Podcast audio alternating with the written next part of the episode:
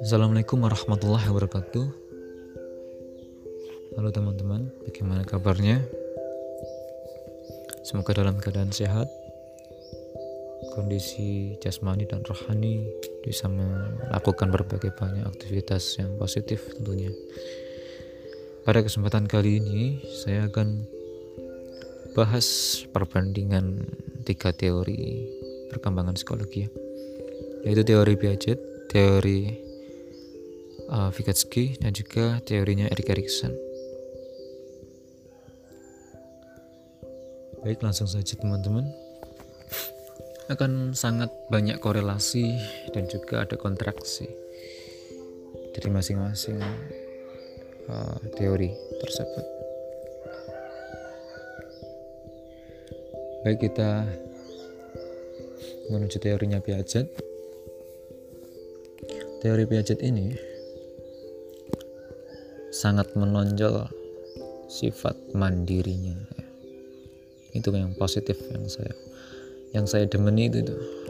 Menonjol sifat kemandirian tanpa bergantung pada orang lain. Sangat, berguna dalam masyarakat jadi berbeda dengan teorinya Vygotsky ketika anak itu uh, diberi masalah itu dikasih bantuan awal dikasih bantuan lah istilahnya. Ada orang lain untuk menyelingi uh, memberikan petunjuk sehingga dia berproses melalui bantuan orang lain berproses melakukan pengalaman dengan bantuan orang lain. Nah itu sangat menonjol. Jadi di teori Vygotsky juga tidak salah. Teori tersebut kan walaupun diberi bantuan orang lain tapi untuk selanjutnya dibiarkan untuk ber, uh, berproses sendiri secara mandiri. Beri bantuan awal tidak masalah nah, jadi terdapat perbedaan besar perbedaan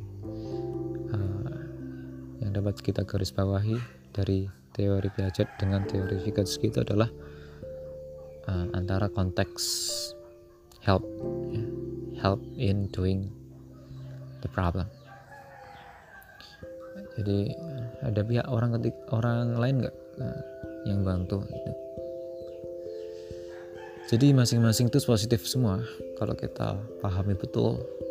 Sehingga uh, teori perkembangan itu sangat uh, sangat terkenal ya di mata masyarakat di mata dunia pendidikan. Ambil contoh kita ketika melihat situasi di sekolah ya. Ini nih kita gunakan misalnya pada kurikulum 2013 ini lebih condong kepada teorinya Piaget. Mengapa? Si anak ini, si anak didik ya maksudnya, diberi keluasaan yang sangat besar persenannya untuk melakukan proses berpikir mandiri, berkreasi, berpikir kritis, menganalisa, sehingga hasilnya itu diharapkan bisa menjadi anak yang cerdas secara mandiri dapat menyimpulkan sesuatu tanpa tanpa harus uh, memerlukan bantuan orang lain. Kemudian anak itu seperti guru anak didik seperti guru dalam hal itu kan kurikulum 2013 mengedepankan sifat uh, apa tendensi kepada yang berpusat pada anak bukan pada gurunya.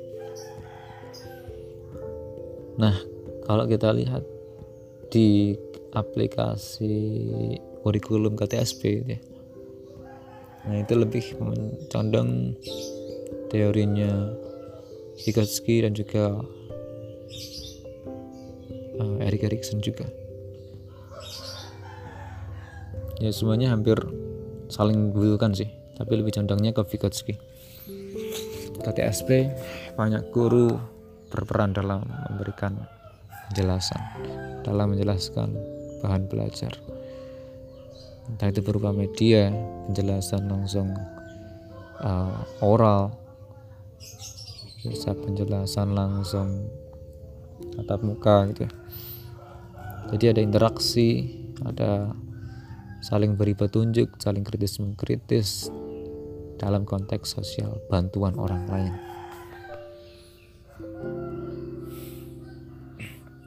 Sehingga dalam KTSP itu kan uh, tendensi pusat cenderung kepada guru. Guru banyak menjelaskan. Anak lebih mudah memahami sosial sosial memahami bahan belajar tadi.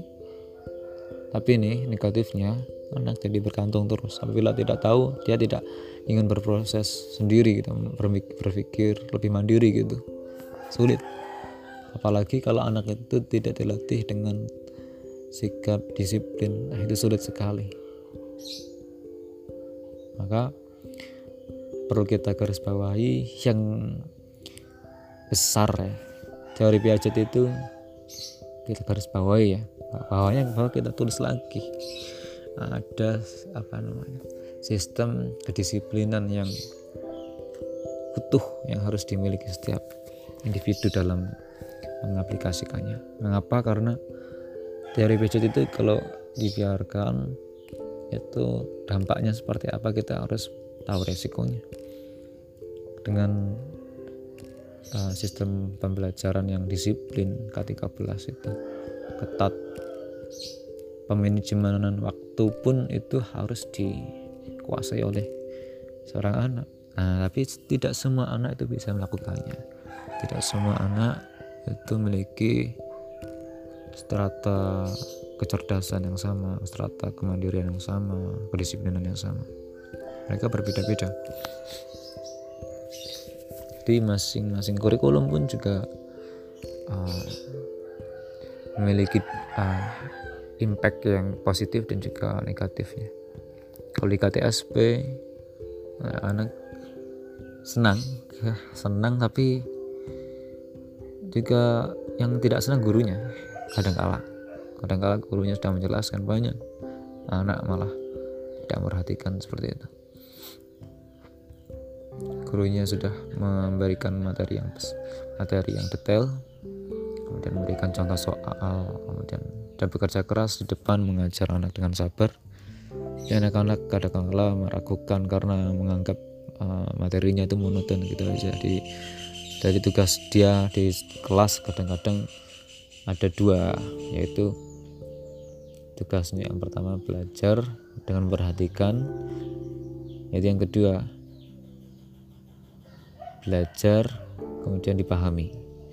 Jadi belajar yang diperhatikan itu belum tentu masih anak memahami. Tapi kalau belajar kemudian memahami nah itu anak masuk ke kemandirian bisa uh, terwujud apabila dengan praktek tersebut.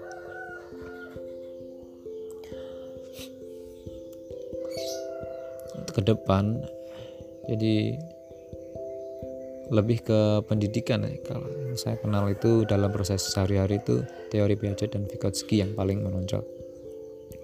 Tapi kalau keseluruhan yang mencakup dari uh, awal atau tahap masa perkembangan itu dari anak sampai hingga meninggal bahkan orang dewasa maksudnya. Itu lebih menggunakan teori Erik Erikson atau psikososial. Mengapa di sana Erikson membahas delapan tahap yang benar-benar harus dikuasai oleh seorang individu? Yang harus dialami lah istilahnya. Harus diaplikasikan. Apabila uh, tidak tidak adil atau rumpang salah satu maka pengalaman-pengalaman di masa tertentu, di masa remaja atau di masa yang lain dia tidak mendapatkan dia tidak bisa profesional di itu. Contoh ada tahap yang harus dikuasai dalam uh, dalam perkembangan Erikson ini. Contohnya yaitu tahap mengenali siapa dirinya di mata orang di dalam tahap remaja ini. Ketika dia tidak mendapatkan hubungan sosial pada teman sebayanya dia tidak punya peran dalam menonjolkan diri pada lingkungan sekitar pada kehidupannya pada orang tuanya atau mungkin pada masyarakat. Itu dia untuk ke depannya ketika sudah dewasa itu dikenal seorang yang introvert. Dia sulit untuk berinteraksi dengan orang lain. Nah itu yang jadi masalah. Jadi kedelapan kedelapan tahap ini mau tidak mau harus dimiliki oleh seorang. Itu baiknya. Makanya para presenter misal dia banyak membaca dia banyak apa misalnya memiliki pengalaman yang kuat pengalaman yang banyak dan intensif yang diseriusin ya, yang benar-benar dilakukan interaksi dengan orang lain saling memberi kritis memberi memberi apa? Dukungan support. Sehingga ada rasa untuk menonjolkan diri mengembangkan diri sifat strong strong sense of self ya. siapa dirinya di masa depan itu akhirnya dia tahu tujuan hidupnya dia tahu ya luas ya jadi uh, tahap uh, perkembangan milik Erikson ini benar-benar membahas dalam-dalam dari awal lahir itu untuk apa hidupnya? Untuk bagaimana alurnya? Kemudian ketika mau menjelang meninggal ya itu apa yang harus dilakukan gitu. sifat apa sikap bagaimana? Masa itu masa untuk apa? Itu dibahas semua dalam teori Erikson. Itu yang saya suka. Jadi